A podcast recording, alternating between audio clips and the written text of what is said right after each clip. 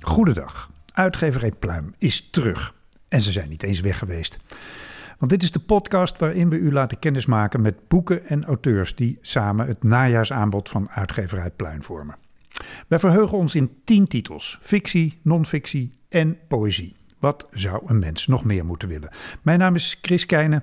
Ik wens u veel luisterplezier.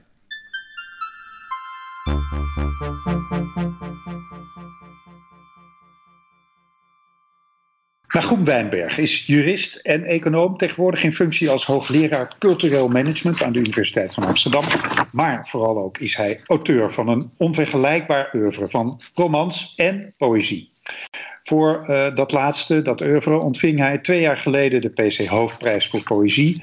Nadat hij eerder al de Jan Kampert, de Ida Gerhard en de VSB Poëzieprijzen had gekregen. En dus is het een gebeurtenis. Een nieuwe bundel van Nagoem Wijnberg. De bundel heet Joodse gedichten. En ik spreek met Nagoem Wijnberg uh, over een digitale verbinding. Uh, dus als u de geluidskwaliteit af en toe een beetje onder het niveau vindt dat u van ons gewend bent, dan komt het daardoor. Dag Nagoem.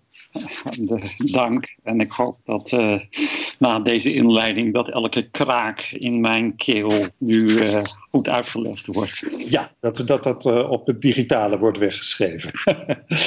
um, De eerste zin in de aanbiedingsfolder van je nieuwe bundel is.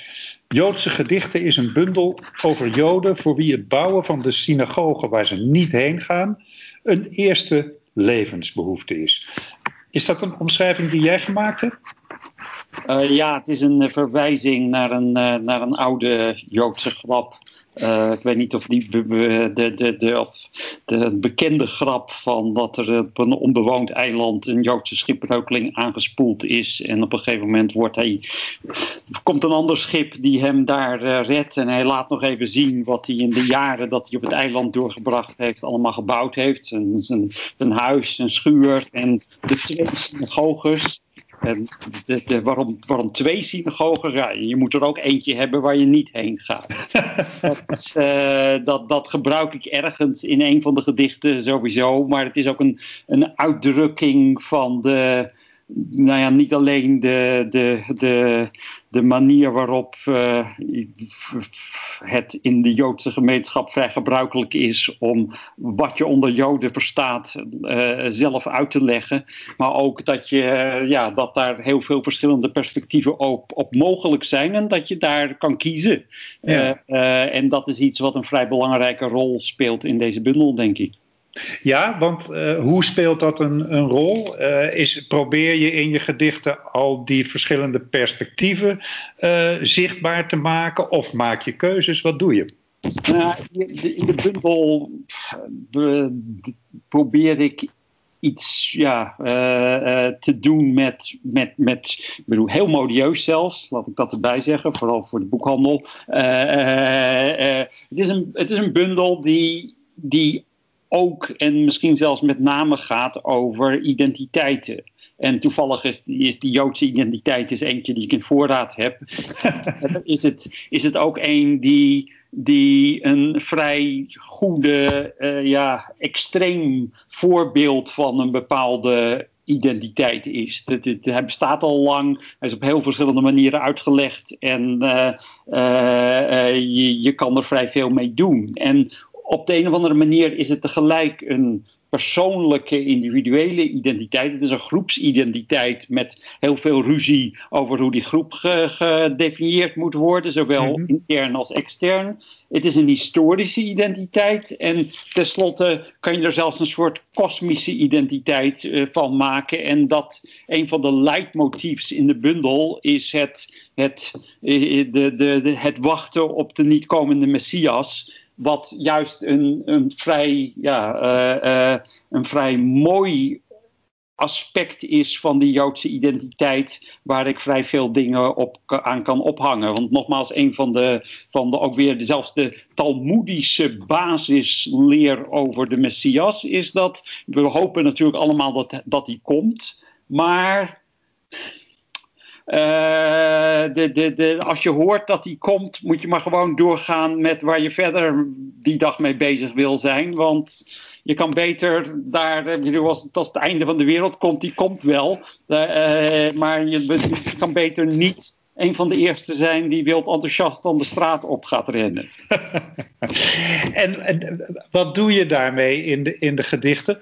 Onderzoek je al die aspecten van de Joodse identiteit en misschien ook wel dus van het begrip identiteit? Of, of geef je uitdrukking aan je persoonlijke uh, gevoelens daarbij? Ja, al, in zekere zin uh, uh, al die dingen zoveel mogelijk juist tegelijk. Want het is, het is vaak het, het, het, het aftesten van het een met het ander. Dat ik zelfs prachtige theologische tradities gebruik om te denken hoe ik mijzelf daarin wil plaatsen. Dat ik uh, de, een deel van de bundel bestaat uit, uh, uit uh, ja, gedichten die heel concreet zelfs over familie en bekenden gaan. Mm dus dit, maar telkens te, juist door te proberen datgene wat over Joden gedacht wordt, wat ik over Joden denk, in zoveel mogelijk perspectieven tegelijk te plaatsen. Door al die dingen op elkaar te laten botsen en te kijken wat er gebeurt. Denk ik, hoop ik, dat daar af en toe, uh, nou ja, dat ik af en toe daarmee dingen ietsje beter begrijp. En misschien zelfs een dood enkele keer een redelijk gedicht schrijf. Ja, want uh, aan de ene kant is het natuurlijk een uh, idiote vraag om aan een dichter te stellen, maar ik, ik stel hem toch, want dit is voer voor essayistiek, uh, voor non-fictie. Waarom is het voer voor gedichten? Uh, dat, is de, de, dat is het soort vraag waar, waar een, uh, waar ik denk dat een dichter zeer uh, aanmatigend en misschien zelfs hooghartig op dient te antwoorden. en, uh, en, en, sprekend voor mijzelf, ik, heb, ik moet toegeven dat ik dat wel eens eerder gezegd heb en uh, mensen zelfs wat vreemd heb horen zien kijken. Maar de poëzie is het krachtigste het meest, het, scherpste instrument wat ik ken om over wat dan ook na te denken. Als het niet lukt met een gedicht, nou ja, dan kan je proberen of er niet een essay lukt, of desnoods een roman, of een avondvullend televisieprogramma. Maar als het kan met een gedicht, is dat altijd de eerste keuze. Laten we dan even heel concreet eindigen. Uh, hoe groot is de bundel geworden? Om hoeveel gedichten gaat het? Het zijn 70 gedichten. Hoe groot die precies wordt hangt van de bladspiegel af. En die ja. wordt, uh, we zitten precies deze week in het persklaar en proevenstadium. Dus dat, dat weet ik nog niet precies. Maar het zal ergens in de buurt van de 80, uh, 85 pagina's worden, denk ik. 70 Joodse gedichten dus. Hartelijk dank, Nagum Wijnberg. En Joodse Gedichten verschijnt bij uitgeverij Pluim op 6 oktober 2020.